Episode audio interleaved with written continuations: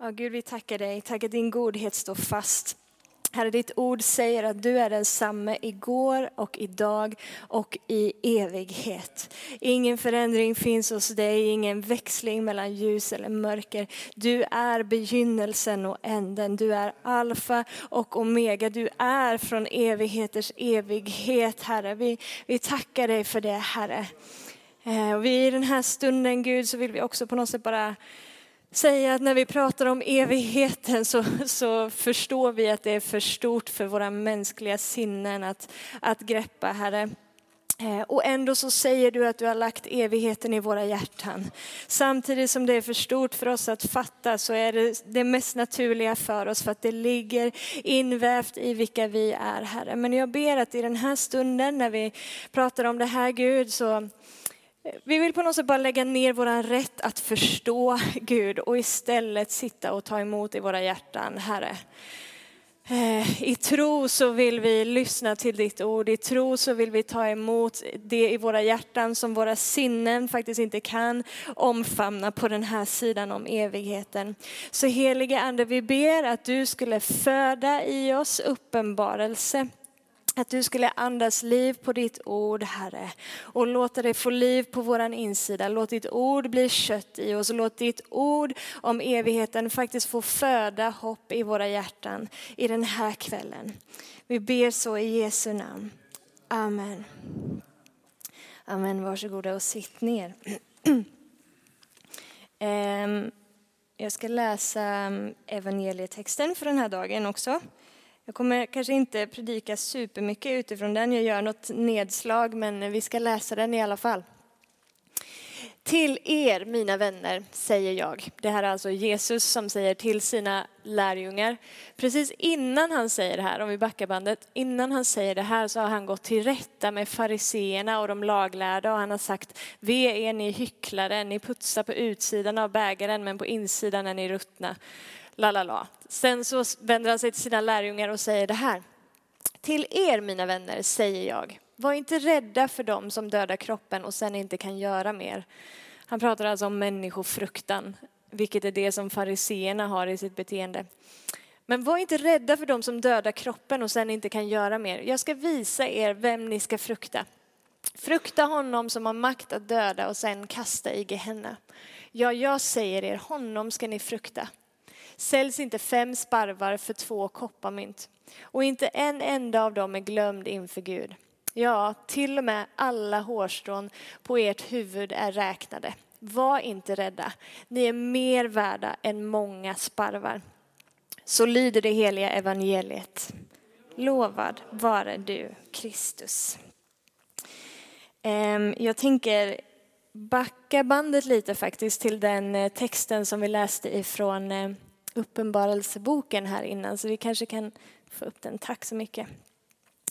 Eh, Johannes är den som skriver uppenbarelseboken. Han är ute på en, i slutet av sitt liv ute på en ö som heter Patmos eh, och får diverse uppenbarelser av Gud.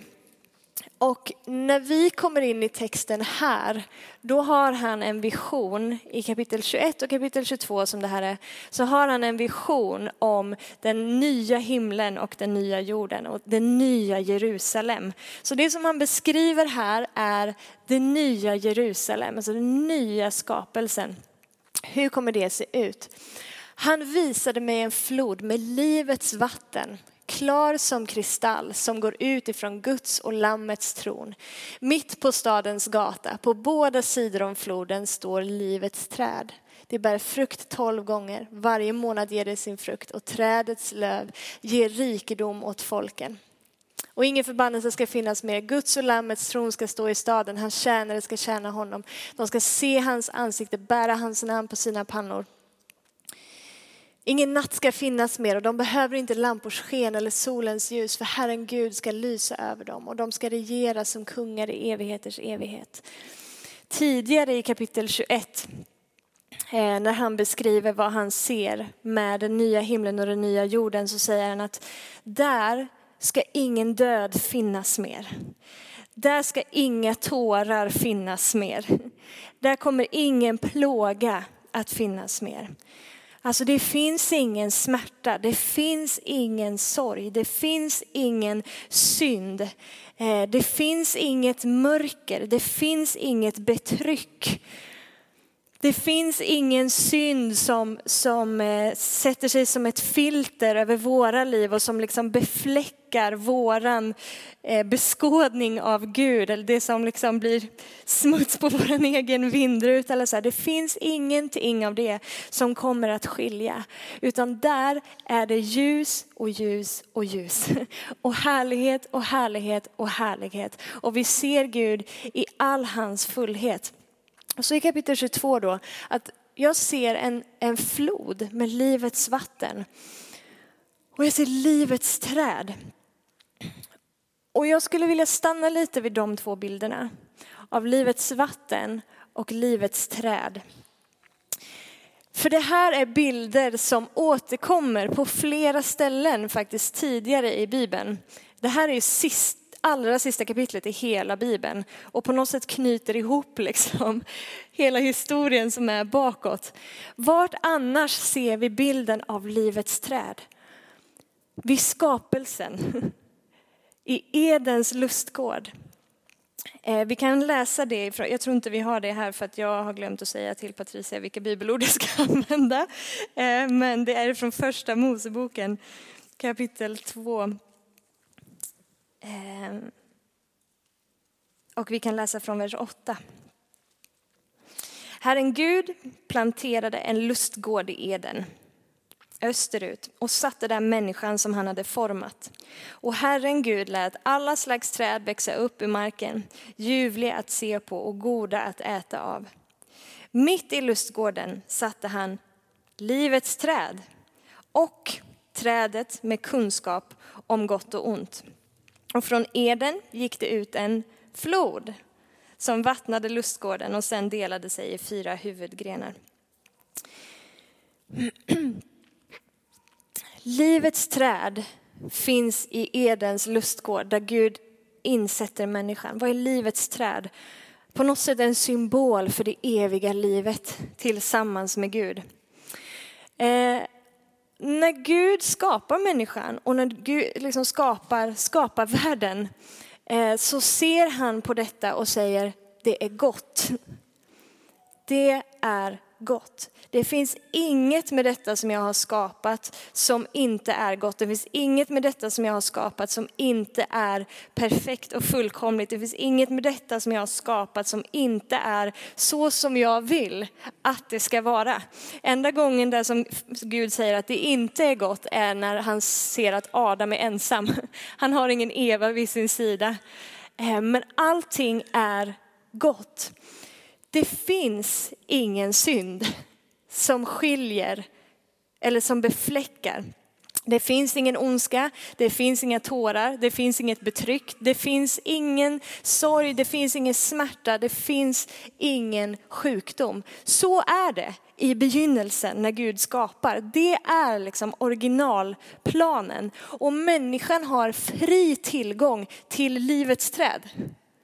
Gud har sagt att ni får äta och röra vid allting som finns här, men jag vill inte att ni rör trädet som ger kunskap om gott och ont. Men livets träd, det hade han inte sagt att de inte fick göra. Med andra ord, de har tillgång till det eviga livet tillsammans med Gud.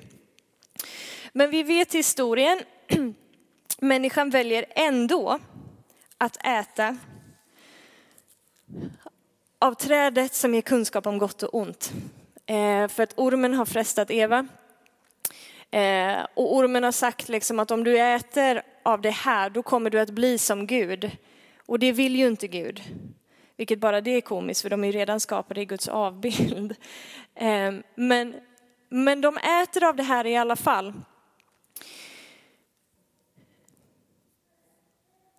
Vad händer? Döden kommer in. Gud har sagt att om ni äter av det här, då kommer ni att dö. Döden kommer in i bilden, synden kommer in i bilden. Människan har valt att liksom vända sig bort ifrån Gud, att inte längre ta del av relationen med honom, som faktiskt är det som ger det eviga livet. Synden kommer in och vi ser konsekvenserna av det fortfarande. Av, av ondska, av död, av ångest, av sorg, av tårar, av brustna relationer, av depression, av hat, av ilska. Allt detta är liksom ett resultat av det valet som, eh, som Adam och Eva gjorde där och då. Det här är liksom lite upptakt nu till det jag ska försöka säga, men eh, jag tänker att det är viktigt att få med det i, i bilden. Men Gud säger att ni, ni kan inte ni kan inte liksom ta del av det eviga livet tillsammans med mig utan relationen med mig. Och nu har ni valt bort relationen med mig och då kan ni inte ta del av det eviga livet tillsammans med mig. Så han stänger ute dem eh, från eh, Edens lustgård för att han vill inte att de ska äta av livets träd i det tillståndet som de befinner sig i då. Liksom, och permanenta deras på något sätt, syndfulla tillstånd. Men Guds hjärta är ju fortfarande han vet ju vad hans originalplan var. Han vet hur hans, vad hans vilja med skapelsen och vad hans vilja med relationen med människan var ifrån allra första början. Och det är inte som att han bara släpper taget i det här läget liksom och bara ha tråkigt. Utan han är ju fortfarande aktivt involverad och engagerad i sin skapelse. Så räddningsplanen, frälsningsplanen eh, kickar in i samma stund som detta händer. Och det kommer till, man kan ju läsa liksom hela gamla testamentet hur Gud handlar med sitt folk Israel som är en del av hans räddningsplan. Men det kommer till den avgörande punkten och det är när Gud själv han som är ifrån evighet till evighet väljer att stiga in i tid och rum, väljer att begränsa sig till en mänsklig kropp väljer att avsäga sig det han har från tidernas begynnelse och bli del av kött och blod och förhålla sig till mänsklighetens parametrar. Han låter honom, Jesus, dö på korset. Varför? För att ta konsekvensen av mänsklighetens synd. Syndens lön är döden, men han låter han själv i Jesus låter han bli som oss för att vi skulle kunna få igen tillgång till honom. Igen få tillgång till livets träd, igen få tillgång till det eviga livet. Han identifierar sig med oss för att vi ska kunna liksom bli ett med honom igen. Han dog som oss så att vi skulle kunna uppstå som han. Han tog vad vi förtjänade för att vi skulle kunna få vad han förtjänade. Och igen så får vi tillgång till livets källa, Gud själv. Livets vatten, livets träd. Och då finns det en bild som jag skulle vilja att vi eh, hoppar in i och gör ett litet nedslag i. Ehm, för jag vill knyta ihop säcken med de här bilderna med livets träd och livets vatten. Och det här är ifrån eh, Johannes evangeliet kapitel 4.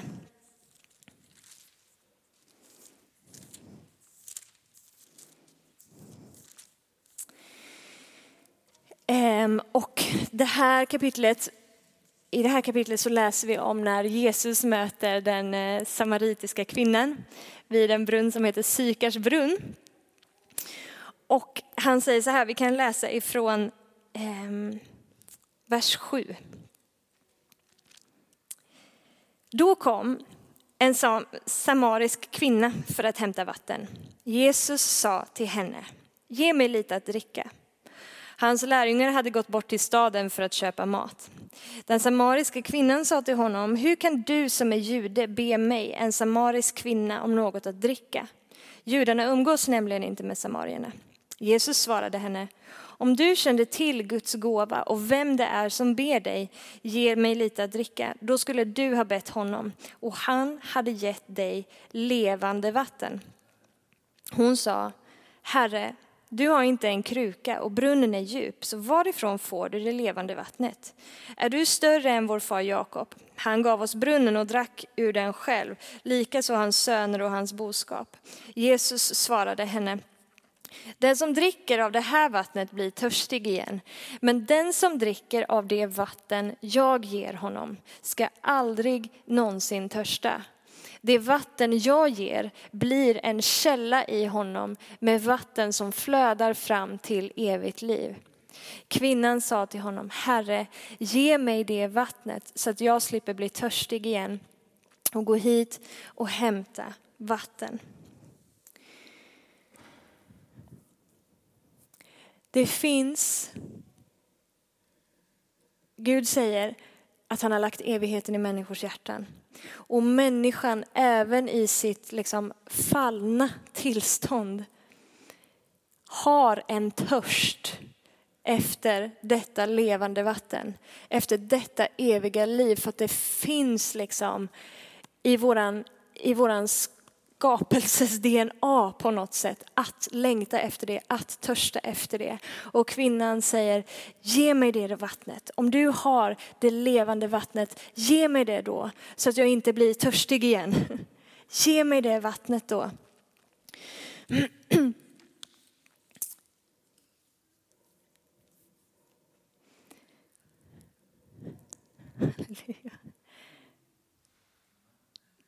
På något sätt så börjar liksom Guds frälsningsplan med att föra hela skapelsen till eh, till sitt klimax, där han ska göra allting nytt. Då börjar han sin frälsningsplan med att återupprätta människan, med att föda människan på nytt genom att igen, liksom, han ger henne det levande vattnet och låter det eviga livet få flytta in på hennes insida.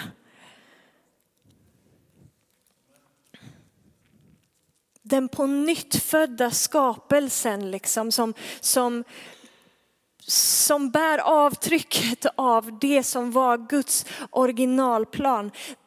Där börjar återupprättandet av den eviga frälsningsplanen som kommer till slut att, att nå sin fullbordan. Och Gud säger så här, detta är det eviga livet, att de känner dig. Johannes 17 och 3. Så på den här på något sätt tidsaxel, om vi tänker, det här är ju en väldigt förenklad bild nu, men vi tänker att Eden är här. Och det är liksom, skulle på något sätt varit ett evigt tillstånd i härlighet tillsammans med Gud, men det blev inte så. Nu befinner sig mänskligheten på den här liksom tidsaxeln på något vis och på den här tidsaxeln utifrån våra ögon sett så kommer korset och uppståndelsen och för att det har hänt så kan vi här på tidsaxeln i tid och rum få stiga in i det eviga livet redan här och nu och få smak av det i våra liv, av den verkligheten redan här och nu. Vi får en försmak av det som ska komma helt enkelt. Och när vi har fått den här försmaken, när vi har det här levande vattnet på vår insida så kan vi också ännu mer förnimma det som ska komma. Vi förstår liksom, alltså det är ju inte rocket science att se att något är allvarligt fel i den här världen. Liksom. Att det är allvarligt skadad, det kan ju vem som helst se, även en människa som, som inte är född på nytt. Men vi som är födda på nytt ser ju det ännu mer utifrån Guds ordning och förstår att vi är på väg mot något annat. Det här är liksom inte det eviga tillståndet utan hela våran liksom anden i mig bara orienterar sig liksom till det som ännu inte fullt ut är, men som vi hoppas på och det som vi längtar efter. Det är väldigt mycket kristna ord nu känner jag, men jag hoppas att ni, att ni kan hänga med på något sätt ändå. Ehm, så vad är, eh, jag skulle säga konsekvenserna, men det låter ju som att det är liksom eh, ett negativt laddat ord, men jag menar inte att det är negativt laddat. Bara vad är Ehm, följden, vad är resultatet här och nu av att vi faktiskt har evigheten nedlagd i våra hjärtan genom hans ande. Vad, vad, vad, ger det för implikationer i den verkligheten som vi lever i här på den här eh, tidsaxeln? Här skulle jag vilja eh, att vi faktiskt droppar in lite i, eh, jag vill använda en bild ifrån Hesekiel, ifrån kapitel 47.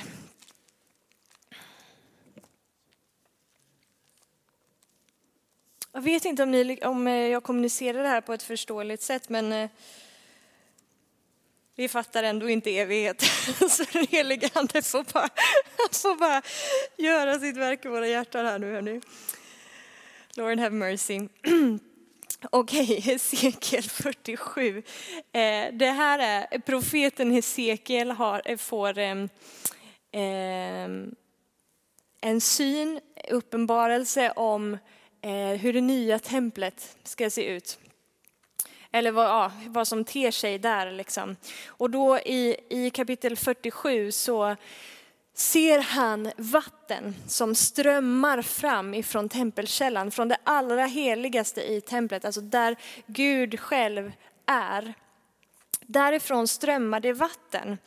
Eh, och då säger han så här i, eh, kapit- i vers 6. Han sa till mig, har du sett du människobarn? Sen förde han mig tillbaka upp på flodens strand.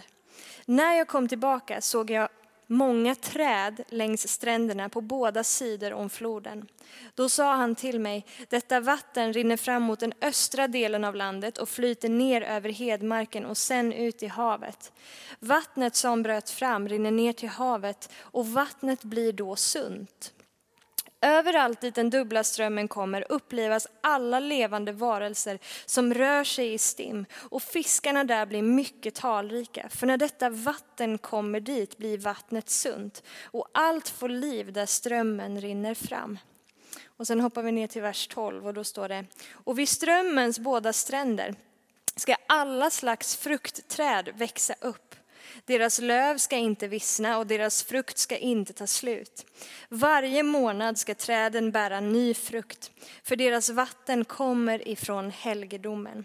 Deras frukter ska tjäna till föda och deras löv till läkedom. Vattnet som kommer ifrån tempelkällan, vattnet som kommer utifrån Gud själv, alltså strömmen ifrån Faderns hjärta, hans ande liksom, som kommer med liv. Det vattnet, det levande vattnet, den strömmen har flyttat in på din insida. Och det levande vattnet, när det kommer i kontakt med annat vatten, så blir det vattnet som var sjukt sunt. Det står Överallt dit den dubbla strömmen kommer upplivas alla levande varelser som rör sig i stim och fiskarna där blir mycket talrika. För när detta vatten kommer dit blir vattnet sunt och allt får liv där strömmen rinner fram. Om vi lever i en fallen värld på grund av syndafallet där vi ser liksom konsekvenserna av synden och du lever med det eviga livet, det levande vattnet på din insida. Den strömmen, när du kommer i kontakt, när du rör vid någonting annat som ännu inte står i den strömmen, så får det en inverkan. Det sjuka blir friskt. Det som var brustet blir helt. Det som var förruttnat blir sunt förruttnelseprocessen tar stopp där när det kommer i kontakt med livet som du bär på din insida. Överallt där detta vatten rör vid, alltså livets vatten, så blir det läkedom. Du har strömmar av, strömmar av levande vatten på din insida och när du rör vid människor så får det som varit dött liv, det sjuka blir helt. Alltså Guds rike här och nu. Så på något sätt så är det som att mänskligheten är på den här tidsaxeln men du har fått del av det som är evigheten, alltså det som är utanför den här tidsaxeln. Och det som du bär på, liksom, när du lever här i tid och rum, det är som att du på något sätt jag vet inte hur jag ska säga på svenska, men på engelska skulle jag sagt usher in. You usher in en smak av evigheten här och nu. Alltså Guds rike här och nu. Vi får smak av det som är Guds vilja, av Guds karaktär och det som var hans originalplan och det som han är på väg att föra oss till. Det kliver in här och nu. Varför? För att du bär en del av det på din insida och det smittar. Och tanken är att det ska röra vid många. För varje gång som det eviga livet och det levande vattnet som du har, varje gång som det rör vid en annan människa som ännu inte lever i det, så blir det som för den här kvinnan vid Sykars brunn, att hon på något sätt bara fattar det är det här jag törstar efter. Det är det här jag vill ha. Det blir en påminnelse, det, det väcker liv i den delen av människors hjärtan som längtar efter evigheten. Det slår an någonting i dem som gör att de fattar vad de är skapade till. Liksom. Så varje gång som vi ser Guds rike på något sätt bryta fram här och nu genom ett helande, genom ett under, genom ett mirakel, så vittnar det för det första om att Gud är god och hans karaktär, men det vittnar om att det finns ett rike bortom det här riket, där ingen ondska finns, där ingen sjukdom finns, men som vi är skapade för att leva i. Är ni med på vad jag menar?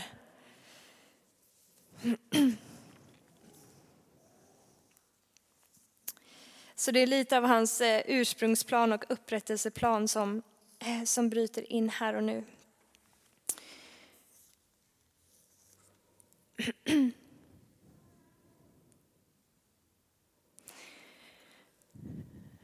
Um, I början av, jag tror att det var i början av det här året, så um, det, det, var någonting som slog an i mitt hjärta när jag bara hade en stund med Gud, liksom, ensam hemma. Eh, och jag ska försöka knyta ihop det till det som vi pratar om nu. Eh, och det har med det har med ordet Hosianna att göra.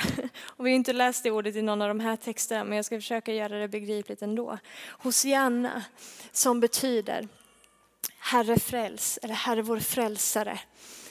Ehm, ett folk som ropar Hosianna, som de gjorde när Jesus ska rida in i Jerusalem. Ett folk som, som ropar efter sin frälsare, som ropar efter frälsningen, som ropar efter räddningen, blir ett folk som på något sätt banar väg för honom att tåga in, för, för hans rike att tåga in. Eh, ett folk som, som både ropar liksom efter, hans, efter hans räddning här och nu, att få se en del av evigheten och hans eviga vilja och Eh, det, framtida riket får bryta in redan här och nu, men också ett folk som, som sträcker sig och ropar efter hans, liksom den faktiska slutdagen, efter hans ankomst när all sorg och smärta och synd ska torkas bort och det inte ska finnas mer. Ett folk som ropar efter den, den eviga planen som vi är skapade för att, att en gång faktiskt leva i. Det finns ett sånt rop på vår insida någonstans. Även om vi inte kanske greppar det med våra sinnen eller så. Men, men i ditt och mitt DNA så finns det där ropet som är Hosianna, Hosianna i höjden. Herre kom, Herre kom och fräls oss. Herre kom med ditt rike. Vi vill inte leva liksom längre i nu men ännu inte. Utan vi vill leva i fullheten av det som ska komma.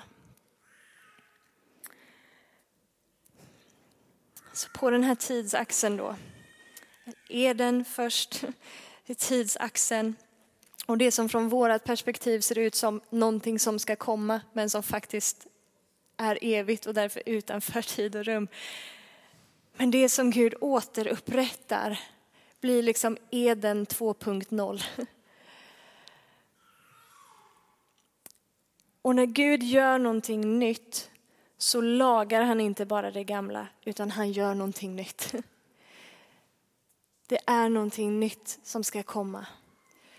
Bättre än någonting vi någonsin skulle kunna föreställa oss. Men som mitt hjärta är skapat för. Ja, vi har vårt medborgarskap i himlen. inte här. Det här är inte vår hemvist. Vår hemvist är med honom, i honom, hos honom, i det som ska komma. Han är vårt hem. Den dagen kommer du att få ta del av det eviga livet utan begränsningen av en fallen värld. Utan begränsningen av att vara i en, den här mänskliga kroppen i tid och rum. Och där kommer Gud att igen kunna se på sin skapelse och säga, det är gott. Det är gott. Nu men ännu inte. Det eviga livet finns nedlagt i dig. But this is not the end. Det kommer någonting mer.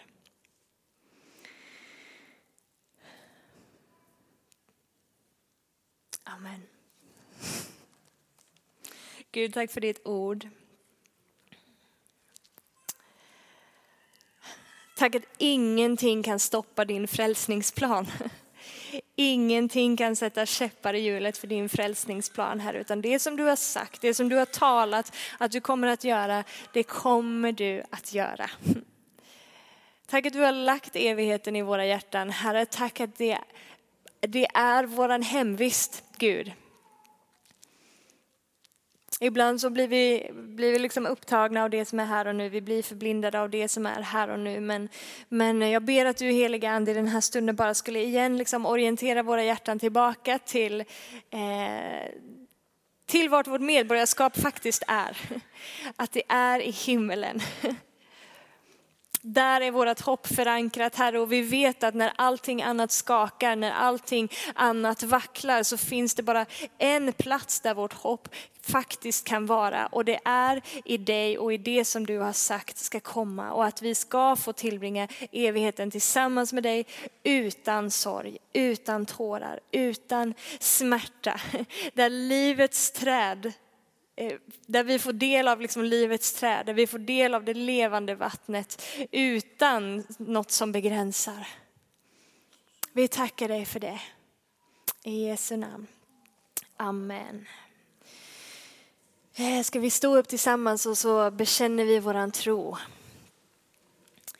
Vi tror på Gud Fader allsmäktig, himmelens och jordens skapare vi tror och på Jesus Kristus, hans enfödde son, vår Herre, vilken är avlad av den helige Ande, född av jungfrun Maria, pinad under Pontius Pilatus, korsfäst, död och begraven, nederstigen till dödsriket, på tredje dagen uppstånden igen ifrån de döda, uppstigen till himmelen, sittande på allsmäktig Gud faders högra sida, därifrån igenkommande till att döma levande och döda.